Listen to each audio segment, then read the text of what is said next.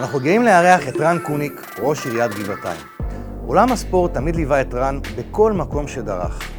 רן היה אלוף ישראל 12 שנה ברציפות ויושב ראש איגוד טניס השולחן בישראל. החזיק בתיק הספורט בגבעתיים וגם ליווה ספורטאים מהשורה הראשונה ברמה המנטלית. כיום רן, בנוסף לתפקידו כראש עיר, הוא משמש כמחזיק תיק הספורט בשלטון המקומי, כך שההשפעה שלו על הספורט היא כלל ארצית. בדוח מבקר המדינה האחרון נכתב כי מצב מתקני הספורט בישראל לא משהו בלשון המעטה. אז לכבוד 100 שנים להקמת גבעתיים, הזמנו את רן לפרק בו נדבר על הספורט הישראלי ברמה הארצית ומה דעתו אפשר לשפר. מה הצעדים שהוא מציע וכיצד נגיע למקום טוב יותר. רן תמיד ידע לקבל החלטות אמיצות, וכיף גדול עבורנו שהוא פה.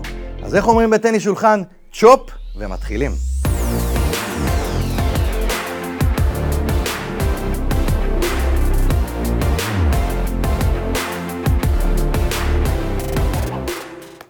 ברוכים הבאים לדקה ה-90. אנחנו עדיין על המגרש, אבל לא דקה ביום שאחרי. ברוכים הבאים, רן קוניק, ראש עיריית גבעתיים ואיש ספורט הרבה מאוד שנים. ברוכים הנמצאים, תודה שהזמנתם אותי. ברוך הבא, ורן, אה, כיף גדול שאתה פה. אה, אז אה, לפני שנדבר על זה שאתה ראש עיריית גבעתיים כמובן, לפני זה היית בטניס שולחן המון המון שנים, אלוף ישראל, ואחת השאלות המסקרנות בעצם, איך בכלל מגיעים לענף כזה, שהוא ענף לא כזה פופולרי, ו- ואיך בכלל זה התחיל אצלך? תראה, אתה רואה שבסופו של דבר יש אה, לא מעט ילדים שעוסקים בספורט במדינת ישראל, גם בענפים הפחות פופולריים, לא כולם בכדורגל ובכדורסל. הייתי מאוד טוב בכדורגל אה, כילד וגם בכדורסל. בכלל, שחקני טניס שולחן, באמת אני אומר את זה, מאחר וזה ענף מאוד טכני, הם מוכשרים בדרך כלל בכל הענפים. אבל כילד אתה עושה בעיקר את מה שאתה אוהב. אתה פחות עושה שיקולים של אה, כסף, פרסום וכדומה, אתה הולך אחרי, ה... אחרי מה שאתה נדלק עליו. אני הייתי אה, משחק בכפר המכבייה, היה לנו אז מנוי, עם אבא, עם אחי, עם כל, ה... כל מי ששיחק, מאוד נדלקתי כנראה על הענף הזה, הוא משך אותי. אחרי זה גם הבנתי שאני יותר בנוי לענפים אישיים. מאשר קבוצתיים, זה גם מבנה אישיות. וראה אותי שם אה, איזה נער ששיחק בהפועל רמת גן, ואמר לי, בוא, אתה, אתה טוב, אתה צריך לשחק במועדון, ומשם זה התגלגל. תשמע, אני זוכר את עצמי ככדורגלן אה, צעיר, אז אתה יודע, אני מרדונה, פלטיני, חולית אה, וכל אלה, וזה היה חלום להגיע למקום שלהם. מה היה החלום שלך שיצרת כאילו כ... כ... אז אה, היו שחקני טניס שולחן גדולים, כמובן הם לא כל כך היו מוכרים בקרב חובבי הספורט בארץ, אבל ככל שהתקדמתי ונהייתי טוב, הסתובבתי בעולם בתחרויות, אז גם הכרתי, אז לא היה יוטיוב וכל הדברים האלה, זה היה קצת אחר. היית אוסף קלטות? דרך ה... היו לי פוסטרים של שחקני טניס שולחן. גדול. אז היו השנים של השוודים, הסינים כמובן. אחר כך ראיתי אותם גם במציאות, זה היה משהו מדהים. עד היום, אגב. היום, אני מניח שאתם רואים, בגלל הטיק-טוק והאינסטגרם, יש המון סרטונים של טניס שולחן. נכון, מדהימים. של נקודות מדהימות, הן לא במרכאות, הן מדהימות, בשבילנו הן נקודות uh, שאנחנו מכירים עשרות שנים, והמון אנשים שולחים לי את זה, כולל חברים, הכדורגל, תראה, ראית איזה נקודה. אני יש, לי, אני יש בפרויקט מצוינות לאורך השנים, יש הרבה טניסאי שולחן. לא מזמן היה איזה משהו היסטרי בטניס השולחן, שאיזה נער בן 15 או 16 ניצח את מה לונג, שהוא היה, זה היה פשוט היסטרי, פשוט... זהו, אז אתה רואה, אז מי שבענף מכיר גם את השחקנים הבכירים, אבל אגב, החדר שלי היה מלא בפוסטרים גם של אה, כדורגלנים וכדורסנים, הייתי חולה כדורגל, אז תקופת המונדיאלים, 82, פאולו רוסי, רומיניגה, כל ה... יפה. הייתי ילד של חולה הספורט. אהבתי את הנבחרת הגרמנית, משום מה. מאוד אהבתי את השחקנים הגרמנים שהיו אז, רומיניגה וכדומה. אה, אלה היו גם השנים של מרדונה, פחות או יותר. ב-82 הייתי בן 14. פאולו רוסי, איטליה הגדולה. זה הגיל שהכי הרבה שאתה, כאילו, כן, הספורט בעצמות שלך. אה, סוקרטס, 86, כן. סוקרטס 78 עוד, ארגנטינה, מריו קמפס. טוב, זה לא הימים, זה לא הימים שלי. אז היה אז את הולנד וארגנטינה. רן, אמרת שהסתובבת בעולם, אז ככה בגדול, מה, מה ההישג הכי גדול שלך בטורניר עולמי, ופה בישראל, מה, מה היו ההישגים הכי גדולים שלך? אה, ההישגים הגדולים שלי היו בעיקר בגילאי הנוער, כי ככל שהשנים עוברות, לשחקן טניס שולחן ישראלי קשה, הוא לא יכול להגיע ל...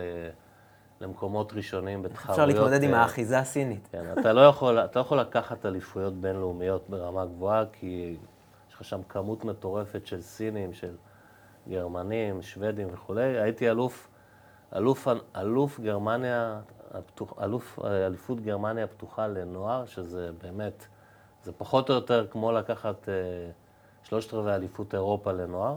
זה ההישג הגדול שלי הבינלאומי. מדהים. כן, זה באמת היה הישג גדול, ואז גם uh, התחילו כל מיני דיבורים, אולי תיסע לחו"ל, אולי... למה לא עשית זה את זה? לא היה בשל אז, כי אלה היו זמנים אחרים. אז היה לנסוע לחו"ל, העולם לא היה גלובלי. זה היה באמת, uh, ההורים שלי התנגדו, צבא, זה לא כמו היום, שילד בן 14 עולה על טיסה ונוסע לאיזה שנתיים ככה למקומות, גם הכל קרוב, הכל זה, התקש... התקשורת עם ההורים, עם החברים, זה... זו הייתה תקופה אחרת, זה 30 ומשהו שנה אחורה. לגמרי. אה, ובארץ לקחתי קודם כל עם הפועל רמת גן 12 אליפויות, עשרה גביעים. הייתי אלוף ישראל לנוער, אלוף ישראל אה, בוגרים זוגות, אלוף ישראל בוגרים זוגות מעורבים, ובדירוג הישראלי, שהוא המשקף, כמו כל דירוג בטניס, הייתי שלוש שנים ברציפות מדורג אה, מספר אחד. ואליפויות עולם, אליפויות אירופה, אז לא, הטניס שולחן לא היה ענף אולימפי.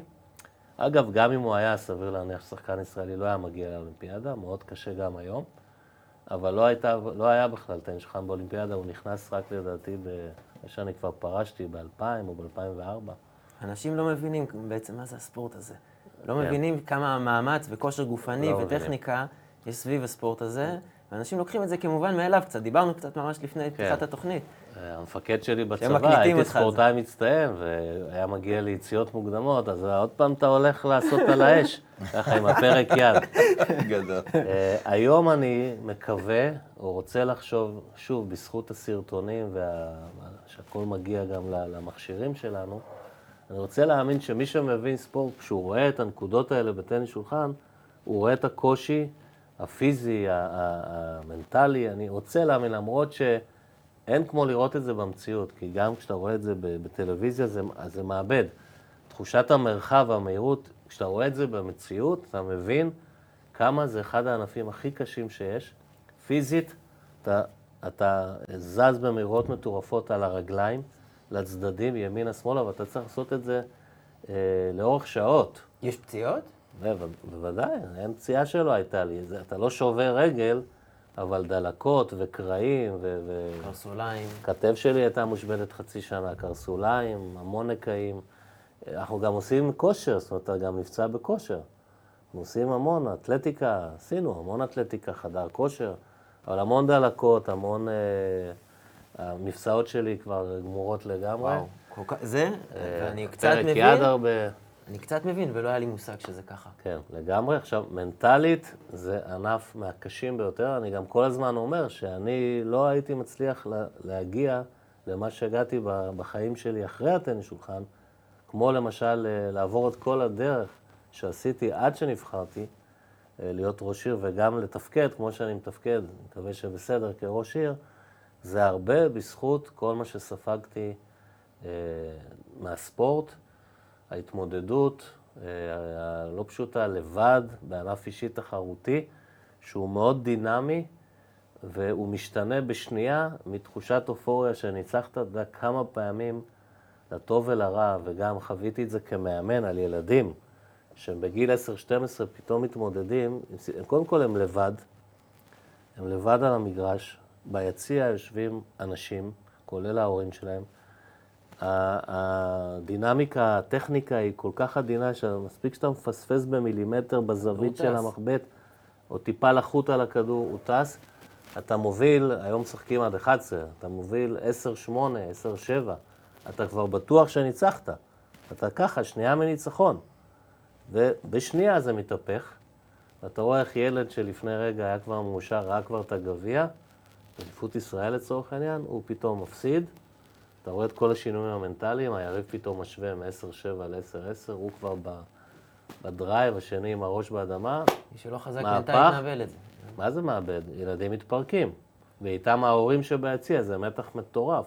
עכשיו, זה הכל בשניות. אתה יכול להגדיר את זה כמשחק של טעויות? לגמרי, זה משחק... אה, יש המון דברים במשחק הזה. לא. אני- זה התמודדות, התמודדות מנטלית שאין לך כמעט, אין לך אותה בענפים. מאופוריה. אין לך אותה בענפים הקבוצתיים. יש לך כדורגלן, כדורסלן, חייבים מנטליות גבוהה, אבל בסדר, הוא נוגע בכדור, הוא מוסר, טעה, יש לו כמה דקות להתאושש, הוא רץ, הוא מכפר על זה בעבודה קשה.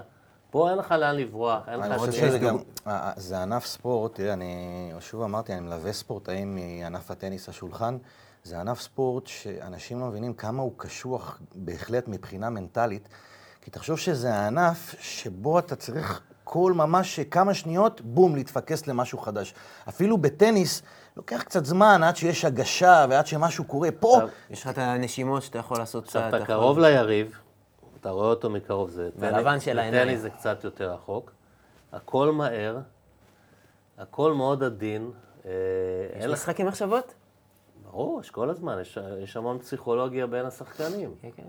יש הרבה, יש טקטיקות ממש, אסטרטגיות. אה, אני הרבה פעמים, כש, כשרציתי לצאת מנפילות וזה, אז הייתי עושה את עצמי כאילו אני מוותר על המשחק, כדי לה, לה- להוריד את רמת. הדריכות. וכן, וזה, אתה בשנייה, במיוחד כילד, כשעוד אין לך ניסיון, אתה בשנייה מוריד לחץ והופך להיות שאנן, כי אתה כל כך ב- בלחץ בהתחלה, שפתאום כשאתה רואה שאתה כבר כאילו הולך לנצח, אוטומטית אתה מוריד, וזו טעות.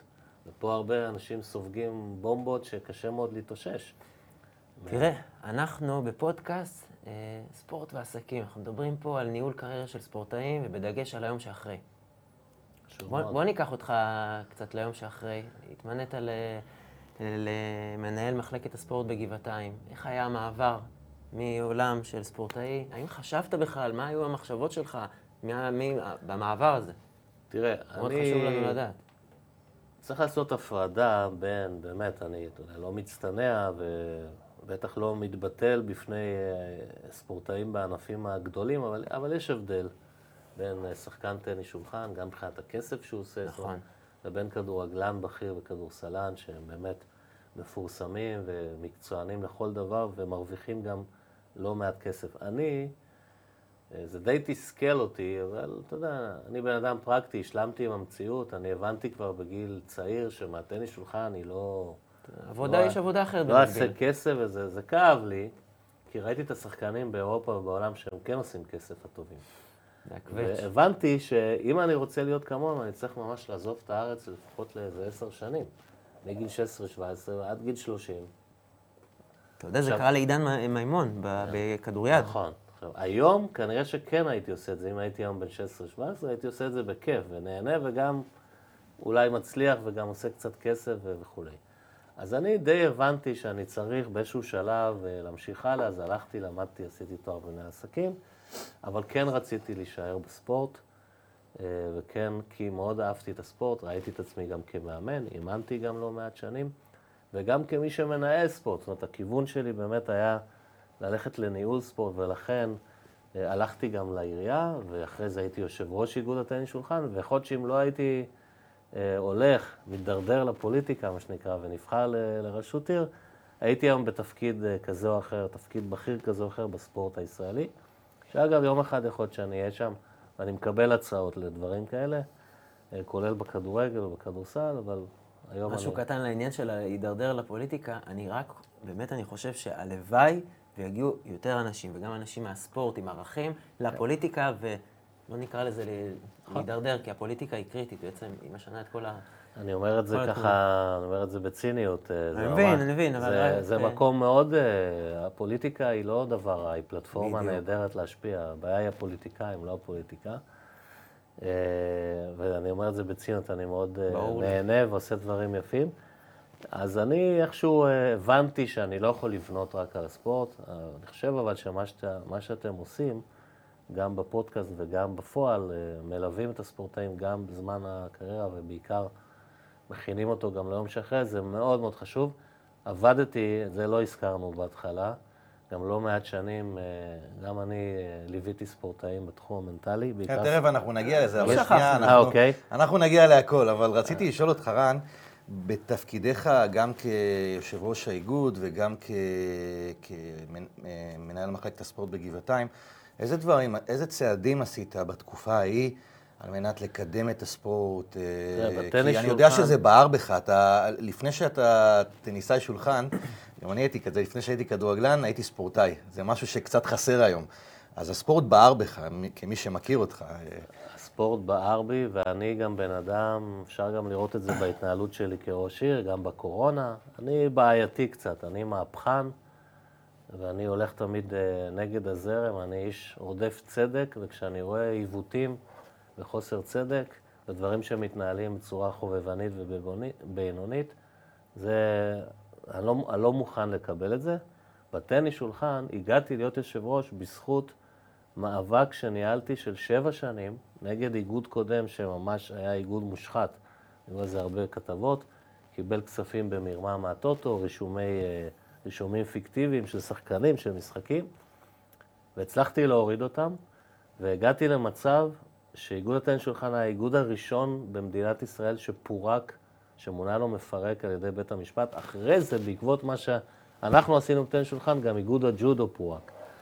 אה, ואז התפרק האיגוד, מונה לו מנהל מיוחד. אני הייתי היועץ המקצועי שלו, הוא מינה אותי כיועץ מקצועי לאיזה שנה וחצי, שנתיים, עד, ש... עד שהוא ייצב את העניינים. ואז הייתי יושב ראש אה, ארבע, ארבע וחצי שנים, למעשה די הצלתי את הענף. הענף היה גמור, היו על זה המון כתבות, שחיתויות וכולי, ואז הקמתי את... אה, אתה מבין איך זה נשמע? שחיתויות בענף כסף. הטניס שולחן. אגב, הרבה כסף. גם בג'ודו היה אותו סיפור. הכסף פשוט משחית. רשמו מאות שחקנים פיקטיביים שלא ידעו שהם רשומים, ובזכותם קיבלו מאות אלפי שקלים מהטוטו. ובדרך כלל הכסף בדברים האלה הוא בענפים הקטנים, הוא לא יכול להיות בכדורגל שכל העולם רואה. אבל עזוב, זה, זה פחות מעניין. אחרי זה שכבר הייתי יושב ראש, אז הקמנו את הפנימיית מחוננים בווינגייט, מחדש, גלגול שני, והבאתי מאמן מסין ושחקן אימונים מסין. לא רק מאמן, מאמן בכיר ושחקן שכל היום מתאמן עם השחקנים. בטניס שולחן זה מאוד חשוב, שיש לך פרטנר ברמה גבוהה שמחזיר כל כדור במהירויות מטורפות, זה קידם את השחקנים. זה אחד הדברים הגדולים שעשינו עד היום הפנימייה פורחת שם. אה, ובמדינת ישראל פנימיית מחוננים אה, היא דבר מעולה, כי המועדונים רובם לא מספיק טובים והמאמנים לא מספיק טובים. וגם הספורט בגבעתיים, עוד פעם.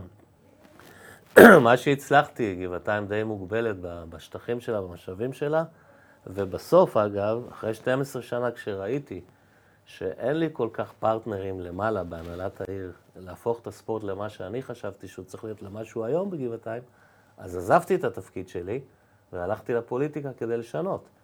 ולשמחתי הצלחתי, ומי כמוך, אילן, יודע שהיום הספורט בגבעתיים, כלומר, אין לנו את המתקנים המדהימים שיש במקומות אחרים, כי אין לנו איפה, כן.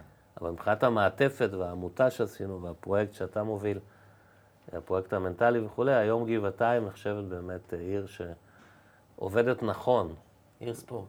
עיר ספורט שעובדת נכון, אין לה את המתקנים הכי טובים בארץ, אבל... ויש ראש עיר שתומך וגם גם מבחינה כספית, הוא תומכים. אנחנו נגיע לנקודה הזאת. של המתקנים וזה, יש לי קצת שאלות נוקבות בהמשך. אבל אה, בין לבין היית מנטור. בדיוק. בין לבין היית מנטור, ואתה יודע, אה, אה, אני חושב שהיה לך המון לתת לספורטאים, בעקבות גם מה שאתה עברת כספורט אינדיבידואלי, הוא, הוא קשוח מאוד, המון התמודדויות.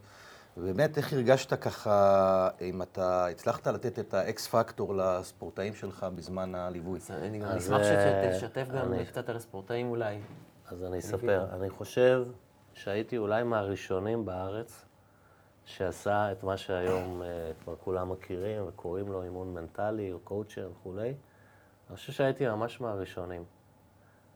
בסוף שנות ה-90, אני לא מכיר אנשים שעשו אז אימון מנטלי, לא היו. עשיתי את זה גם בדרך מיוחדת.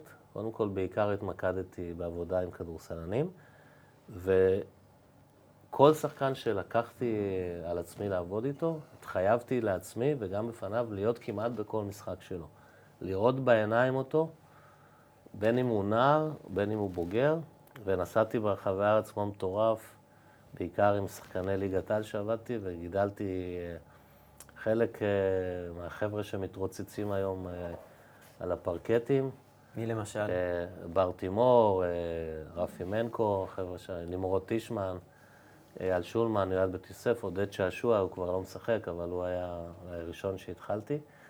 ועוד... זה חבר'ה שליווית אותם ממש כן. כילדים, כי, כי היום את, כן, יש כן. לך זמן. תשמע, עם בר למשל, שבר אולי הוא בכיר השחקנים, עד היום אני מדבר איתו קצת. תשמע, החבר'ה האלה די התבאסו כשנבחרתי להיות ראש עיר לפני שמונה וחצי שנים, כי זה היה באמצע העבודה שלי איתם. הם היו צעירים. את בר, עם בר התחלתי לעבוד כשהוא היה בן 18 בערך, כשהוא עבר אז מהצפון להפועל תל אביב. ואת שעשוע ובית יוסף ושולמן ממש מגיל 14-15 ליוויתי, ועוד, ועוד אחרים. שחקנים גם בליגות משניות, לא כולם הגיעו לרמות הכי גבוהות. מאוד נהניתי מזה, אני חושב שהייתי גם טוב, כי השחקנים האלו בענפים הקבוצתיים והמאמנים של השחקנים האלה לא, לא, לא הפנימו כל השנים שהם, בסדר, הם חלק, הם, הם, הם בענף קבוצתי, אבל הם קודם כל שחקנים בפני עצמם, כל אחד עם ההתמודדות שלו, כל אחד עם המטרות שלו, כל אחד עם האופי שלו. המאמנים, במיוחד בתקופה ההיא, היום אני מניח, אני פחות בעניינים היום, אבל אני מניח שיש גם יותר אה, הכלה וקבלה והבנה של הנושא הזה בקרב המאמנים. אז, בדור של המאמנים, לפני 20, 20 שנה, חבר'ה שאימנו אז, צביקה שרף, זה, חברים שלי, הכל טוב, פיני. הם, אימנו שחקנים, מה אתה עושה בתחתונים? לא, הם לא, כאילו, הגישה הייתה, או שיש לך את זה, או שאין לך את זה, יאללה, מה אתה מפחד, יאללה, עוף החוצה לספסל, כנס מישהו אחר. לא הייתה בכלל, גם לא הייתה להם את היכולת, כי אף אחד גם לא לימד אותם, מה זה בכלל אימון מנטלי. כאילו, הגישה הייתה, זה ווינר, זה לוזר, זה פחדן, זה זה, זה פה, זה שם. זה עושה במכנסיים, זה לא עושה במכנסיים, זה כן. ועובדה, נתון כמו שיש בחוץ עכשיו שמש, ואי אפשר לשנות אותו, וזה מה שיש. והשחקנים בעצמם גם האמינו בזה, כי זה מה ששידרו להם, זה מה שאמרו להם מגיל אפס. אתה פחדן, אתה לוזר, אתה אל תזרוק, אתה כן תזרוק, אתה כן טוב במעמדים חשובים, אתה לא טוב. וזה מה שהוא ידע על עצמו, ופשוט כל פעם מחדש הוא רק הוכיח לעצמו. אסף הוכחות שהוא כזה. מה היית ממליץ? היית ממליץ לכל uh, שחקן היום כן לקחת uh, מאמן מנטלי? זה כמו שאתה תשאל אותי, אם הייתי ממליץ לילד שהולך לעשות מבחן חשוב בהיסטוריה... אם לקחת שיעור פרטי. אם, לא, לא, לא לקחת שיעור פרטי, לקחת שיעור פרטי זה אקסטרה. אה. אם ללמוד בכלל, okay. אוקיי. שני ספרים מתוך שלושה שיש במבחן. אם בכלל לפתוח וללמוד את החומר. הקטע המנטלי, כל הקופסה הזאת, מהצוואר ומעלה, יש לה השפעה על היכולת ועל סיכויי ההצלחה של הספורטאי, לדעתי, של מינימום 60 אחוז. בוא נגיד שני שליש, זאת הדעה שלי. יש כאלה שחושבים שגם יותר. כי בסוף הכל נקבע פה, במחשבות, בהתנהגות, באופי שאתה בונה, באישיות שלך, בצורת המחשבה, ביכולת שלך להתמודד עם סיטואציות. בזמן המשחק, אחרי המשחק, לפני המשחק, הכל. ויכולת שלך לעבוד כספורטאי, כילד. אני זוכר את אילה, אני תמיד מספר את זה, כילד בן 14. אני הייתי חוזר ב-9, 10, 11 בלילה מאימונים ברמת גן, הולך ברגל, כמובן, לא הביאו אותי, חזרה לגבעתיים, לבית שלי, אילן גר שני רחובות ממני, והייתי רואה אותו רץ בגיל 14, כיתה ז', ח', רץ בלילות כדורגלן. אמרתי, וואלה, כדורגלן שרץ לבד? כבר היה מחזה נדיר, ועוד בגיל שלו, ועוד בשעה כזו. זאת אומרת, ראית משהו שונה, והיה ברור לך, עוד פעם, אף אחד לא יכול להבטיח שהוא יגיע לאן שהוא יגיע, אבל אילן זו דוגמה קלאסית של ילד של, שבענף קבוצתי, שהבין בגיל צעיר שהוא צריך לעבוד לבד. יכול להיות שהוא עבד פחות נכון, אני לא יודע, לא יודע אם הייתה לו הדרכה, אני מניח שאם היום היה לו אחד כמוהו שמלווה אותו, הוא היה בארבע דרגות יותר טוב. אבל עדיין, מה שהוא עשה זה מקרה, אחד מהמקרים היוצא דופן. מגבעתיים, מקבוצה קטנה, שבקושי יצאו ממנה שחקנים במשך עשרות שנים, אה, כמגן, שבסוף גם עשה את המעבר מחלוץ למגן, ולרוץ ולעבוד לבד בכל מזג האוויר ב-10 בלילה. זה, היום זה לא קורה, היום ילדים באים לאימון, הולכים וחוזרים, כמעט ולא קורה. ואין דבר כזה לעסוק בספורט תחרותי מבלי לאמן ולטפל ולשדרג את הנושא המנטלי. הנושא המנטלי הוא לא בעיה. זה לא בעיה, זה לא אם יש לך בעיה, טפל בתחום המנטלי. זה אין חיה כזאת, זה, זה כמו רכב, כמו ל- לרצות לנהוג על רכב בלי גלגלים. אני זוכר שרן היה מגיע למשחקים שלי בנוער. נורא ב- חשוב מה שאמרת. אגב, אגב, כן. רכב, מה, מה האל- האלמנט או האביזר הכי חשוב ברכב? אני אביא לך עכשיו מרצדס שעולה 2 מיליון שקלים פה מחוץ לאולפן, הכל מפואר, הכל זה, בלי גלגל אחד, גלגל, פקקת גלגל אחד, עולה כמה מאות שקלים, הצמיג, הוא יכול לנסוע הרכב הזה? לא ארבעה גלגלים, אחד תוציא, הוא לא יכול לנסוע. גלגל, כל הרכב המפואר עם ההגה והמנוע, 6,000. למרות שחשבתי שאתה הולך להגביל את זה בגלל שאתה יודע, אנחנו מדברים פה על ה mindset ועל המוח, חשבתי שאתה הולך להגיד לי על, ה... על המנוע עצמו, אבל אה, המנוע יכול להיות מנוע אדיר, אבל בלי הגלגל. בלי הגלגל, אה, למה הגלגל, אני אומר? כי גם ההגה חשוב. הגלגל זה החיבור של הרכב לכביש. זה החיבור. אוקיי. עליו הוא נוסע. אותו דבר פה, אתה לא יכול לעלות למגרש, אתה לא יכול לעלות למשחק בלי שאתה יודע, אתה יודע, אני תמיד, תמיד, השאלה אולי הראשונה שתמיד שאלתי, כל שחקן שהתחלתי לעבוד איתו, זה אם יש לך מטרה כשאתה הולך לאימון או למשחק, מה המטרה? אף אחד אין לו מטרה. גם אם היום אני אשב, אם היום אני אשב עם 80 אחוז, 90 אחוז משחקני ליגת העל, מכבי חיפה, מכבי תל אביב, הפועל תל אביב, בכדורגל ובכדורסל, אני חותם לך, 90 אחוז מהם באים למשחק, אין להם מטרות. הם יגידו לך לעשות הכי טוב, לרוץ, לתת את הנשמה, זו שאלה ששאלתי את אילן פעם. הם לא יודעים, אין להם זו שאלה מטרות. ששאלתי את אילן פעם, ואז הוא בא ואמר לי, קבל, יש לי רעיון מצולם, שבאים ואומרים לי, שואלים אותי אם יש לך מטרות, ואז הוא סיפר, אני רוצה להיות, לשחק באחת הליגות הבכירות באירופה. לא, לא, זה נכון? לא אני מטרה, טועה? לא לזה אני מתכוון. זה, מת... אני זה מטרה אתה טווח? ארוך. אתה רוצה, לא, גם סיפרת גם על מטרות אפילו לטווח יותר קצר, של כן. לבוא ולהתקדם בשלב שהיית, אחר כך לעלות לליגת העל, זאת אומרת, כן. היה קצת יותר אני. מדבר על משחק, על משחק. ישבתי עם השחקנים, שחקני כדורסל, הם מגיעים למשחק, הם לא יודעים אם רוצים לזרוק לסל, כמה פעמים רוצים לזרוק לסל, אוקיי. באיזה זריקות הם רוצים לקחת. אתה. רוצה לחדור ולעלות לג'אמפ קצר? יופי. פעמיים במחצית? תציב, בוא, בוא נבדוק. אתה רוצה לזרוק שלשות? מאיפה? באיזה סיטואציה? במשחק מעבר? בג'אמפ? כלום.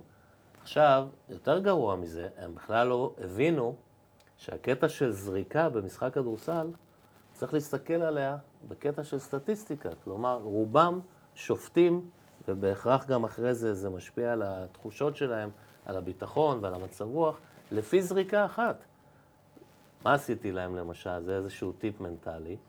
שאלתי אותם על איזה אחוז מהשלוש אתם מוכנים לחתום עכשיו שיהיה לכם לכל הקריירה. 33 אחוז, אגב, זה אחוז גבוה מהשלוש. 50 אחוז אתה ב-NBA. אז אמרתי, אתה יודע מה, אני חותם לכם על אתה 50... פותח ב-NBA. על 50 אחוז אתם מוכנים? אז זו שאלה, 50 אחוז, עכשיו אני חותם לעשר שנים. מה זה אומר במילים? זה אומר שכל זריקה שנייה שלך בחוץ, לא בפנים. גם בפנים, אבל בחוץ. אתה מוכן עכשיו לחתום? יש לך כל שתי זריקות, אחת בחוץ.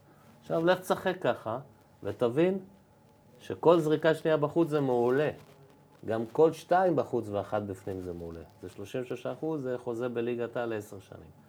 ולך תזרוק. זרוק שש זריקות, שמונה זריקות, ואחרי זה נבדוק. אתה מבין שאם אתה זורק שש זריקות וקלעת שתיים, היה לך משחק מעולה? אתה מבין שאם זרקת תשע זריקות וקלעת שלוש, היה לך משחק מעולה? אבל אם אתה לא מבין את זה ומחטיא את השתי זריקות הראשונות, זה אומר גם שהיית לא זורק מעורב יותר. כבר בשלבים האלה של כן. שלוש מתשע, זה אומר שהיית כל מעורב. ההסתכלות, עכשיו, זה, זה, זה, מה, זה בעיה? זה בן אדם שיש לו בעיה בראש? לא, זה, זה פשוט ללמוד את כללי המשחק. זה פשוט להבין איפה אתה חי. זה כמו שבן אדם ש, שמנהל אולפן או טכנאי, הוא, הוא ייתן לנו להתראיין בלי מיקרופונים. יש כללי המשחק, הם צריכים ללמוד, מישהו צריך להדריך אותם, והמאמנים שלהם לא עושים את זה. מה לגבי היום שאחרי? כן. אני חושב ש... מה היית מציע לספורטאי? קודם כל, פעם תמיד הייתה, כשאני הייתי ילד, איזושהי דעה, לא נכונה כמובן, ש, שכשאתה עוסק בספורט, אתה לא יכול לעשות שום דבר אחר, כאילו, צריך להתמקד, לא ללמוד, לא זה, רק כל היום. אני חושב שזה הפוך. אני חושב שמי שעוסק בספורט תחרותי, ככל שהוא ידע, והוא ידע, תאמין לי, אם אני כראש עיר מוצא זמן לכל מיני דברים, גם ספורטאי תחרותי יכול, ככל שהוא ידע לשלב ביום שלו דברים נוספים, בשעות האחרות, לעשות הפרדה, להבין שאין לזה קשר, ההפך, זה יהפוך אותו לספורטאי יותר טוב.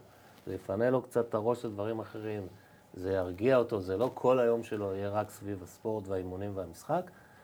Uh, הוא גם ידע להכין את עצמו יותר טוב, הוא גם יהיה ספורטאי יותר טוב בזמן שהוא ספורטאי, הוא גם יהיה יותר רגוע בזמן שהוא ספורטאי. הרבה, שחק... הרבה שחקנים לחוצים, בשנים האחרונות שהם כבר לחוצים, אפילו בתת מודע שלהם. כי זה כל מה שיש להם.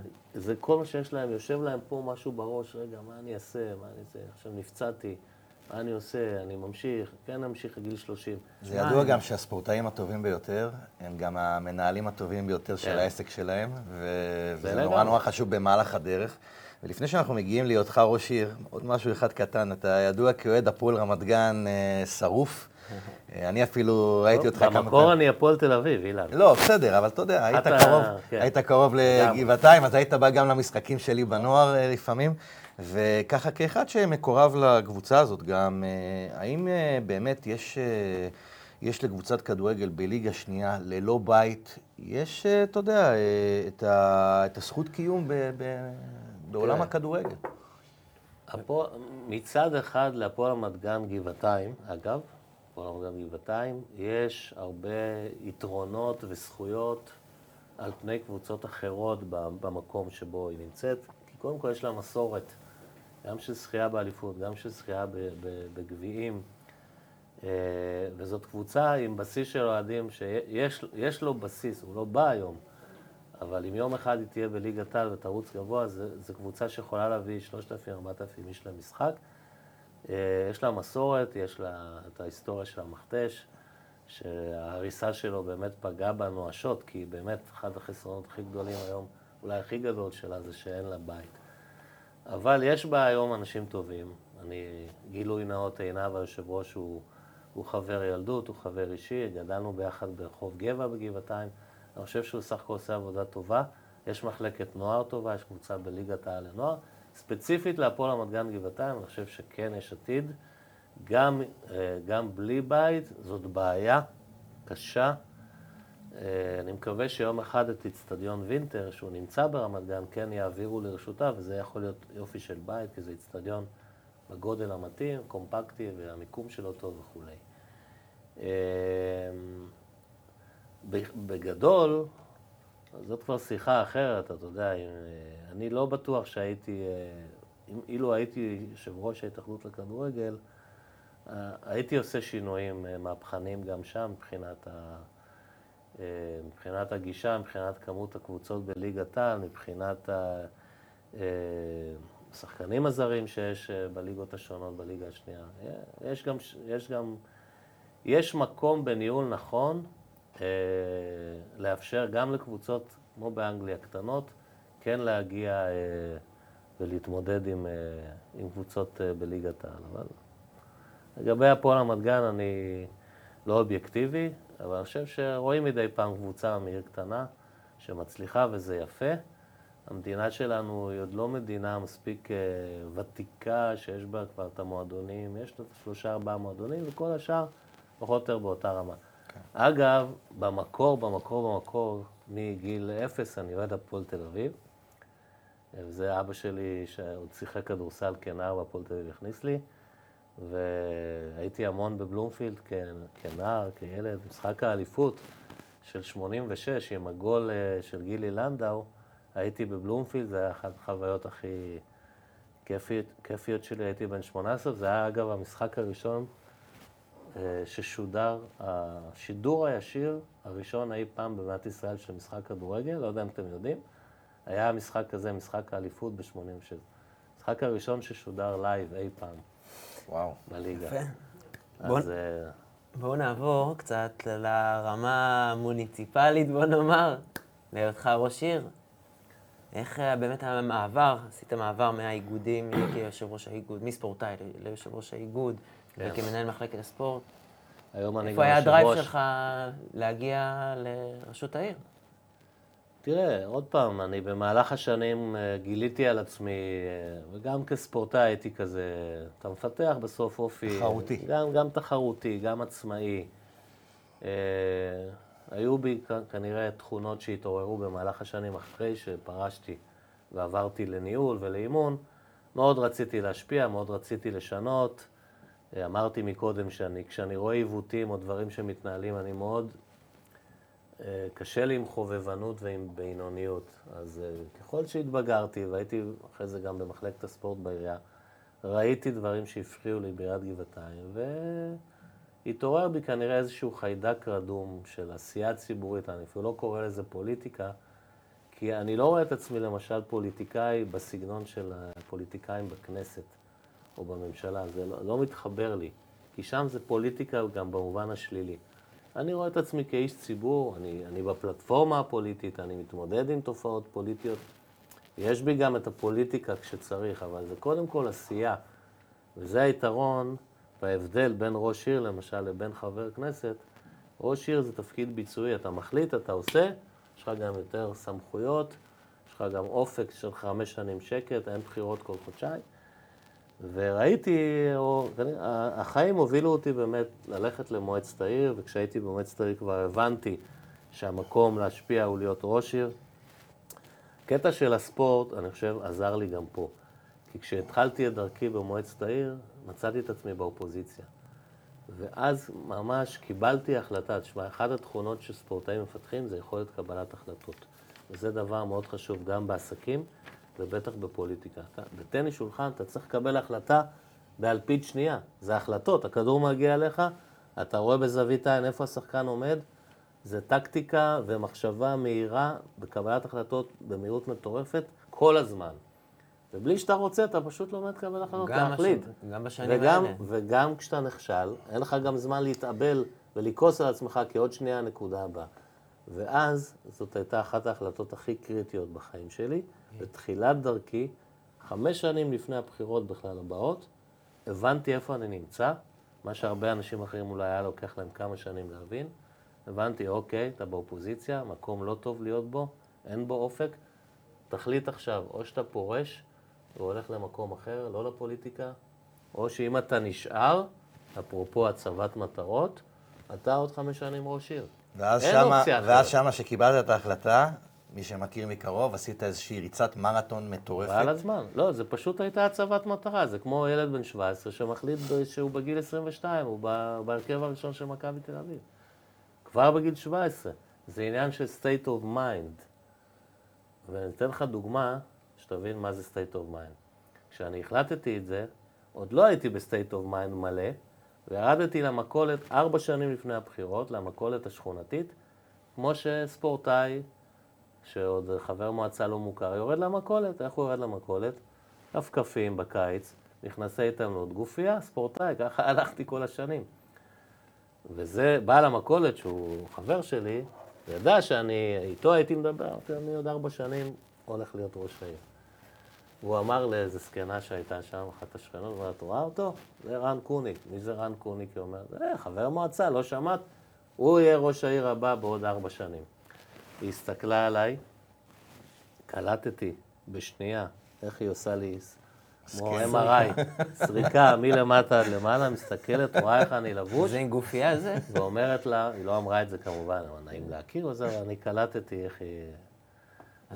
אז- ירדת עם חליפה לסופר? לא חליפה, אבל, ידעתי, זאתי לא תצביע לי בחיים. לא כי אני בחור רע, לא, זה פשוט לא הסתדר. רושם ראשוני לפעמים. ראש, לא יכול, ראש עיר, לא נתפס לראש עיר, בחור, נראיתי צעיר, הייתי יותר צעיר, כמו ילד עם כפכפים. היא לא, היא לא, אמרתי, ואז הבנתי. אתה רוצה להיות ראש עיר? לא צריך חליפה למכולת, אבל מעכשיו, ב state of mind, אתה צריך להתנהג כראש עיר. זה כמו ספורטאי, שבגיל 17 רוצה, או מחליט שהוא בגיל 22 רוצה להיות שחקן בהרכב של מכבי, הוא כבר צריך להיות עכשיו ב state of mind שלו, שחקן הרכב במכבי, וזה גם אומר שהוא לא יכול להעלות כל דבר באינסטגרם שלו, כי אם הוא עכשיו שחקן במכבי תל אביב, יש דברים שהוא לא יכול להיות באינסטגרם שלו. שחקן. מכבי תל אביב לא יכול להעלות תמונות שלו. הוא יכול, אבל זה לא נראה עם טוב. משקה ו- עם משקה ועם כן. סיגריה ועם אה, שתי בחורות ככה לזה. אז אותו דבר, גם כשאתה בגיל... לא כשאני אהיה שחקן מכבי, אני לא אעלה את התמונה. זה לא רק לשמש אתה לא כדוגמה, תגיע להיות שחקן מכבי. אתה לא. תגיע. אם לא תהיה עכשיו בסטרומן. ואז הבנתי שאם אני לא אתנהג עכשיו כבר כמו ראש עיר, וככה התחלתי לענות לאנשים, ארבע שנים לפני. הם היו פונים אליי, פוגשים אותי, אמרתי להם, בעוד ארבע שנים. לא אם אני... אה, אם, אני- לא אם, אין יותר אם. בעוד ארבע שנים אני ראש העיר, אני עושה את זה ואת זה. ואז סחפתי אחרי האנשים, כי הם התחילו לשמוע אותי ולהסתכל עליי, ואני שידרתי אמונה מלאה וברק בעיניים, והם כבר, הם כבר, בלי שהם שמו לב, בתת מודע שלהם, כבר ראו מולם את ראש העיר הבא. ואם הייתי מתחיל לגמגם ולהגיד אם, אולי, וזה, עזוב, הוא לא מאמין בעצמו, מה אני אבחר לאחד, אבחר באחד כזה. וזה הרבה מהספורט.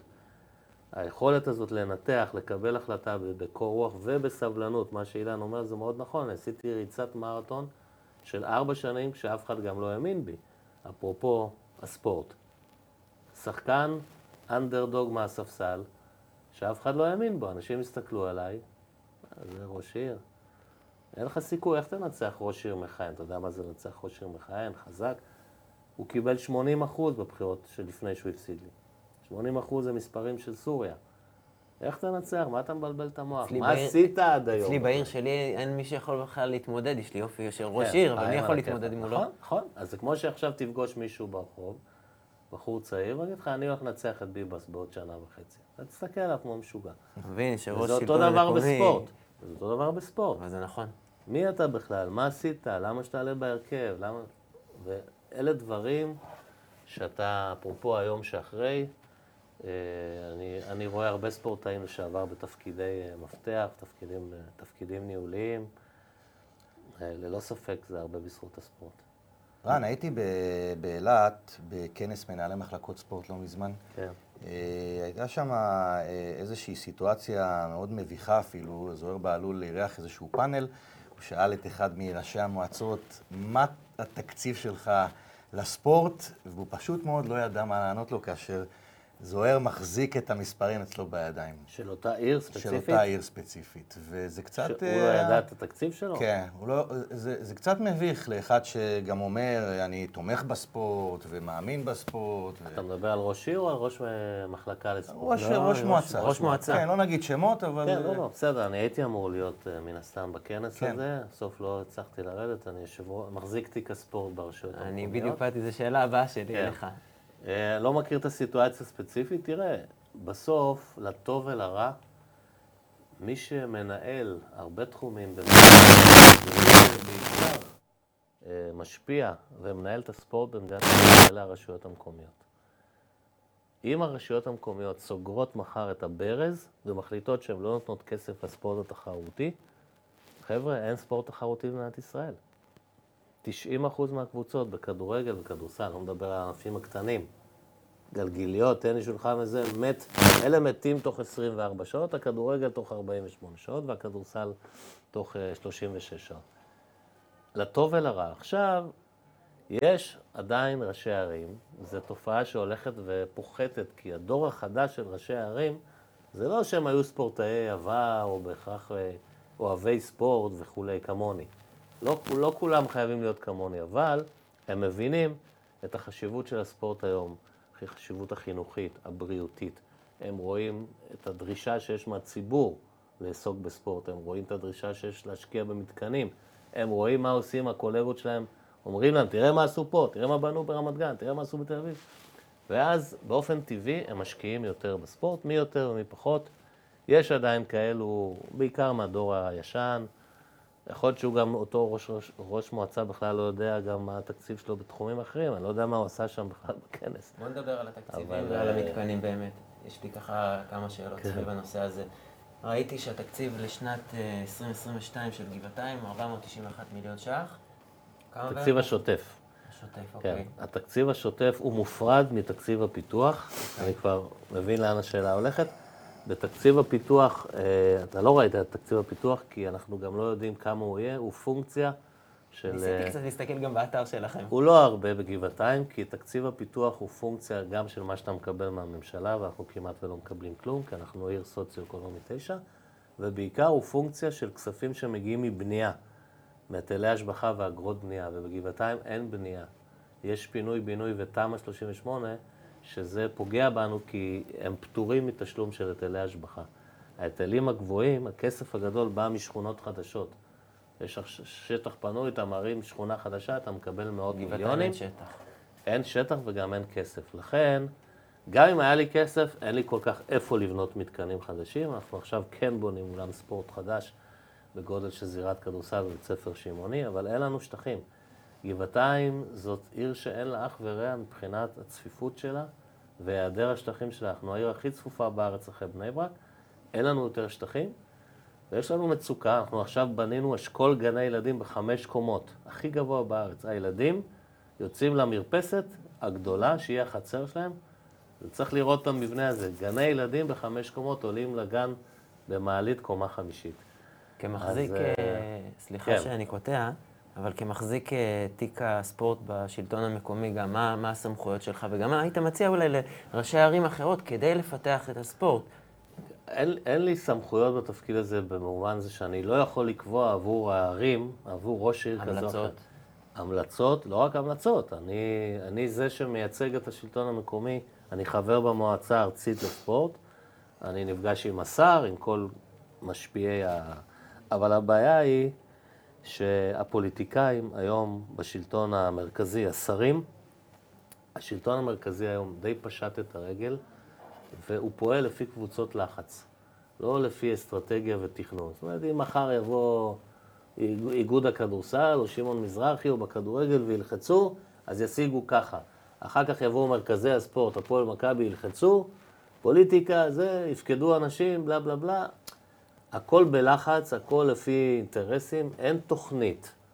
אין תוכנית, הוא גם לא רוצה לעשות תוכנית, זה סיפור אחר לגבי חילי טרופר, הוא איש נהדר, ערכי וכולי, אבל לשיטתי לא מספיק אה, אה, עשה מהפכות בספורט כמו שצריך, וזה קשה, כי צריך לעשות מהפכה בספורט. עכשיו, אני, קודם כל המלחמה שלי כרגע היא להסביר לכולם מה שהם לא הבינו עד עכשיו, שמי שמנהל היום את הספורט, אלה הרשויות המקומיות. אנחנו גם קובעים איזה ענפים יהיו. אם ראש עיר מתחיל עכשיו לפתח נינג'ה בעיר שלו, יהיו נינג'ות. אם הוא רוצה התעמלות אומנותית, אם הוא לא רוצה התעמלות אומנותית, אם חולון ופתח תקווה, שזה שתי מעצמות בהתעמלות אומנותית, סוגרות את הבסטה, אין התעמלות אומנותית במדינת ישראל. אם אני סוגר את הטניס שולחן בגבעתיים, נגמר. שזה כמו מכבי תל אביב של הכדורסל, אין טניס שולחן במדינה. ושחייה, פתאום סוגרים בריכות או, או מגרשי טניס, וזה הכל הרשויות. הן מממנות את ההקמה, מתחזקות את ה... זה, משלמות, מעסיקות מאמנים, יוצרות חוגים, מפרסמים, מקימות עמותות... אה, קראתי בדוח המבקר המדינה, וגם בלשכה לסטטיסטיקה, שיש בערך כ-7,000 מתקני ספורט בישראל, ויש אה, כ-100... יש חוסר. מה זה? יש חוסר גדול. ויש 110 ספורטאים, 110 אלף ספורטאים רשומים בישראל. ניקח את אה, אוסטריה, יש פי 10 גם במתקנים וגם בספורטאים. דיברנו על זה גם טיפה עם אוריאל דסקל. כן. מה, באמת, מה, מהתפקיד שלך, אני הייתי שמח לשמוע מה כן אפשר לעשות. יש פערים כאלה משמעותיים, ואנחנו בסוף כן. לא מעצמת ספורט. הייטק כן, אבל ספורט ממש לא. תראה, זה, זה, זו שיחה לפודקאסט אה, כן. נפרד, כל הנושא הזה של אה, היעדר על תרבות. קצה הספורט. המזלג. על קצה המזלג, אה, הכל מתחיל מהחינוך. אני הייתי מבטל, אגב, את משרד הספורט, הוא מיותר לדעתי. הספורט צריך להיות בתוך החינוך. שר החינוך צריך להבין שספורט זה בדיוק כמו חינוך. והכל צריך להתחיל מהחינוך. הבדיחה הזאת של השעתיים בשבוע שהילדים עושים ספורט בבית ספר, כמו שהייתה לפני... לא בטוח שאני מסכים איתך, דרך אגב. אני חושב ש... זכותך, כן, אגב. אני חושב שאם אם יוציאו, ההפרדה בעצם נותנת לזה חשיבות. אם אתה לא עושה את ההפרדה, אולי זה ילך לאיבוד, כי החינוך, יש שם כל כך לא, הרבה אז אינטרסים. אני אגיד לך למה אתה זה טועה. רוב אני התקציב אגיד לך בערים. למה אתה טועה. אוקיי. אתה יודע למשל שהיום כשבונים בית ספר חדש במדינת ישראל לא חייבים לעש- לעשות אולם ספורט? לא ידעת, נכון? א', ברור לא שלא ידעתי, אבל- לא זה למשרד בושה. תקשיב, הכל תלוי מי, בסוף תלוי באנשים, מי ראש הממשלה, מי שר החינוך, שים אותי מחר שר החינוך ושים לי את הספורט יחד איתי, זה ברור לך לאן הספורט ילך, נכון? שים שם אנשים אחרים אולי שלא, אז לא. קודם כל נתחיל באנשים, אבל כשיטה, okay. אוקיי. אני חושב שדווקא להוציא את הספורט זה מקטין את הספורט. מה בדרך כלל עושים? נשאר איזה שר בסוף הרשימה שאין מה לתת לו, איזה מירי רגב, אני ישבתי עם מירי רגב שבוע אחרי שהיא מונתה להיות שרת הספורט והתרבות, היא אמרה לי, אני לא רוצה את המשרד הזה. לא רציתי אותו, מה אני אעשה עם המשרד הזה? אמרתי לה, מירי, זה יופי של מספר, זה גם תקשורת. לא רוצה, אמרה, בלי להתבייש.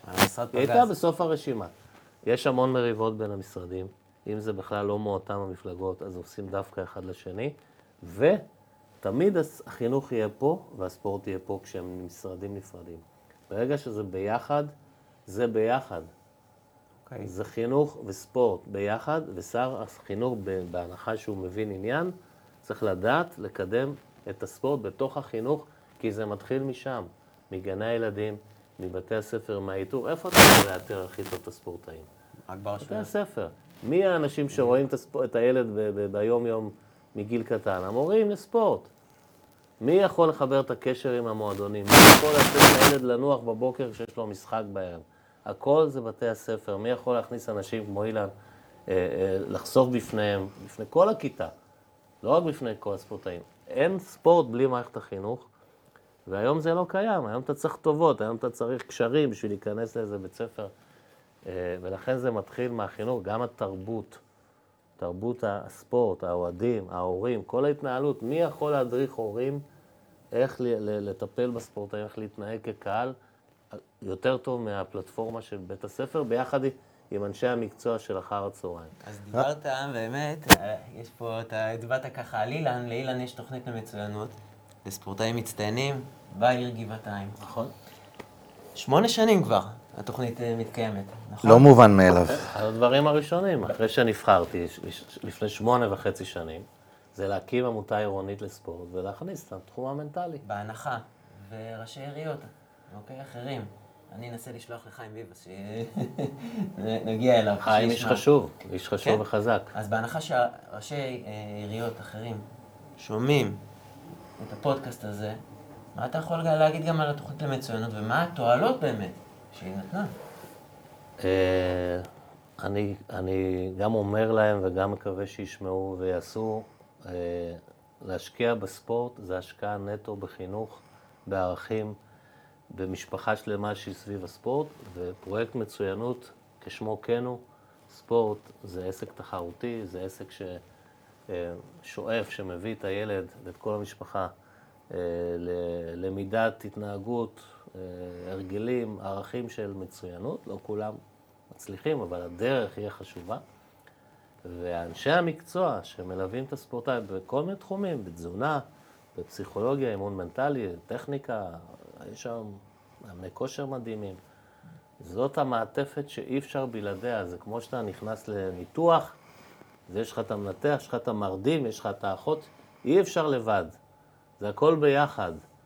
ולהשקיע בספורט זה כבר לא טוב, בניתי מתקן, עשיתי אולם, איזה יופי, איזה ראש עיר טוב אני, יש לי אצטדיון כדורגל. זה אנשים, זה הילדים, וזה רווח נקי, זה דיבידנד שאתה מקבל, הילד בסוף הופך לאדם הרבה הרבה יותר טוב, לא טוב גם בהתנהגות, אלא הרבה יותר איכותי ביכולות שלו. וגם אם הוא אחרי זה הולך לכיוונים אחרים, או כשהוא הולך לכיוונים אחרים, אז אני אומר לך על עצמי, אני, אני לא הגעתי לתפקיד שלי, לא הייתי אלוף בצה"ל ולא מנכ"ל בזק ולא... באתי עם הספורט, אבל זה הרבה. כשאנשים אמרו לי, מה ספורט? כן, ספורט. אתם לא מבינים מה זה ספורט. רן, הפודקאסט שלנו נקרא הדקה ה-90. אנחנו עושים איזושהי פינה לקראת סיום, שהיא פינת 90 אה, שניות של שאלות. אוקיי. ככה שאתה עונה בשלוף. אה, שם אותך על המנגל, אמרת על המנגל, אז אני שם אותך עכשיו על המנגל. זורמים. יאללה. 90 שניות, שאלות קשות, אתה עונה בשלוף. טוב. יאללה. מהו אירוע הספורט שגרם לך להתאהב בספורט? וואו. אה, נראה לי המונדיאל של 78, כשהייתי בן 10, היו שם כמה משחקים היסטוריים, ארגנטינה, הולנד וכדומה. נראה לי שזה. טניס, שולחן או פינג פונג? טניס, שולחן. אנחנו נעלבים כשאומרים פינג פונג. האם יש לך חלום להגיע לפוליטיקה הארצית, או להיות אפילו שר הספורט? אה, זה לא בדיוק חלום, זאת אה, אולי מטרה שאני בהחלט לא פוסל אותה, ויכול מאוד להיות ש... שאני אלך לכיוון הזה, אולי בעוד קדנציה, שנהיה בריאים, כן. אה, לא בדיוק חלום, כי חלום זה דבר, אתה יודע, שיותר קשה להשיג. זאת מטרה די ריאלית להגיע לשם, יש לי גם הצעות ללכת לשם. נראה, שנהיה בריאים, יום אחד. חשוב שיגיעו אנשי ספורט למקום הזה, ושייתנו בוסט קדימה. טוב, אה, משהו אחד בספורט, שאם זה היה בידיים שלך, והייתה לך את האפשרות לשנות, מה היית עושה? אחד. אה, מהפכה במערכת החינוך, בכל מה שקשור לכניסה ולמקום של הספורט במערכת החינוך.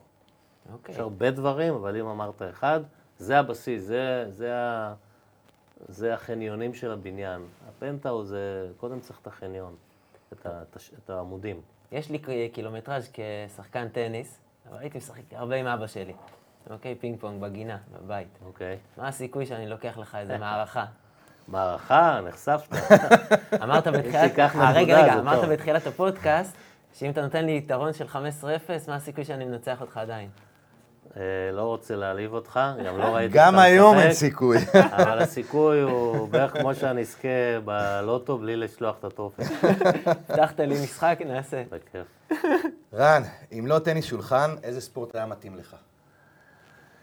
וואו, תראה, הייתי מאוד טוב בכדורגל, אבל הייתי קצת עדין, אז לא בטוח שכל הפציעות והכניסות בי היו, אבל uh, אני, אני מניח שאם לא כדורגל אז כדורסל, הייתי טוב בשניהם. ו... חלום שטרם הגשמת עד היום. רציתי תמיד, עדיין רוצה לעשות איזשהו טיול ככה גדול סביב העולם. איזה שנה ככה להסתובב בעולם, לטייל. זה באמת חלום. לא יודע, אני מקווה שאני אגשים אותו. הספורטאי הכי גדול בעיניך, אי פעם. אמ, לארי ברד היה גדול בעיניי. מאוד אהבתי את מקנרו, תראו היום המון שחקני טניס גדולים, אבל אם אני צריך לבחור אחד, הייתי בוחר את לארי ברד. לארי ברד, מדהים. האם יש סיכוי לאליפות נוספת להפועל רמת גן בכדורגל? שמע, הכל יכול להיות. אם הקבוצה באמת אה, תגייס כספים, אולי ירכוש אותה גם מישהו עם יותר כסף, תצליח לעלות לליגת על ותבנה תשתית של שחקני נוער, אתה יודע, סטייל קריית שמונה בזמנו, אני מאמין שזה יכול להיות. מי האמין שהם יזכו גם בגביעים? אה, זה לא יקרה מחר, מחרתיים, אבל... תהליך. יכול, הכל יכול להיות בספורט, אילן. זה לא משהו שהוא תלוש מהמציאות, הלוואי וזה... שאלה אחרונה, לכבוד חגיגות המאה של גבעתיים, תשלים, העיר גבעתיים? העיר מספר אחת בארץ, עיר מדהימה, מיוחדת. זר לא יבין זאת, כמו שאומרים, מי שגר בגבעתיים יודע בדיוק למה אני מתכוון, אה, ונשמור עליה לעוד מאה שנה לפחות. בעזרת השם. נשמור עליה. משהו קטן אה, גם, שיש לנו שתי פינות, פינת 90 שניות ופינת הטיפים. ככה אנחנו נחתום okay. את אוקיי. הפודקאסט של היום. אז אנחנו בדרך כלל מארחים הרבה פעמים ספורטאים. עכשיו אנחנו גם ספורטאי וגם מישהו ברמה הציבורית, בעשייה הציבורית. טיפ אחד, גם לא, אולי לראשי עיריות, או לפוליטיקה הארצית, טיפ אחד לספורטאים, וטיפ אחד מהעולם המנטלי. אני, אני אתן טיפ אחד, אה, ש... שהוא בא, הוא יתפוס את הכל. יאללה, שוט. האנשים מתחלקים לשני סוגים. רובם, 90 אחוז, זה אנשים שיש להם סיפור למה הם לא הצליחו. בכל תחום. יש להם סיפור. ככה וזה, נפצעתי ולא יכלתי, ואימא שלי ואבא שלי וסבתא שלי, והסיפור אולי נכון והם מאמינים בו והוא מרגיע אותם, אבל בסוף הם לא הצליחו. עכשיו, הצלחה זה לא בך, הצלחה זה למצות את הפוטנציאל שלך, לעשות את מה שאתה עושה הכי טוב, ליהנות וכולי. ולהגיע להישגים, אם, אם אתה מודד את עצמך. בספורט זה גם הישגים. והאחוז הקטן, נניח עשרה אחוז, זה אנשים שהצליחו. ובסוף זה עניין של אחריות. הכל בסוף תלוי בך, גם מה שלא תלוי בך, גם תלוי בך, כי אתה אחראי על איך אתה מגיב גם, או מה אתה עושה כשקורים דברים כאלו ואחרים שלא תלויים בך ישירות. והטיפ הוא בסופו של דבר לקחת אחריות ולהפסיק לספר סיפורים ולהיות uh, מספר סיפורים או קורבן, אלא לעשות את מה שצריך אה, מכל הבחינות, שוב, גם מה שבאחריותך וגם מה שלא, אה, כדי אה, להעלות את הסיכויים שלך ליהנות ולהצליח. מדהים. רן, תודה רבה. היה כיף תודה גדול. לכם, גם לי. תודה רבה, היה נהדר. היה אחלה גם, תודה רבה. Yeah.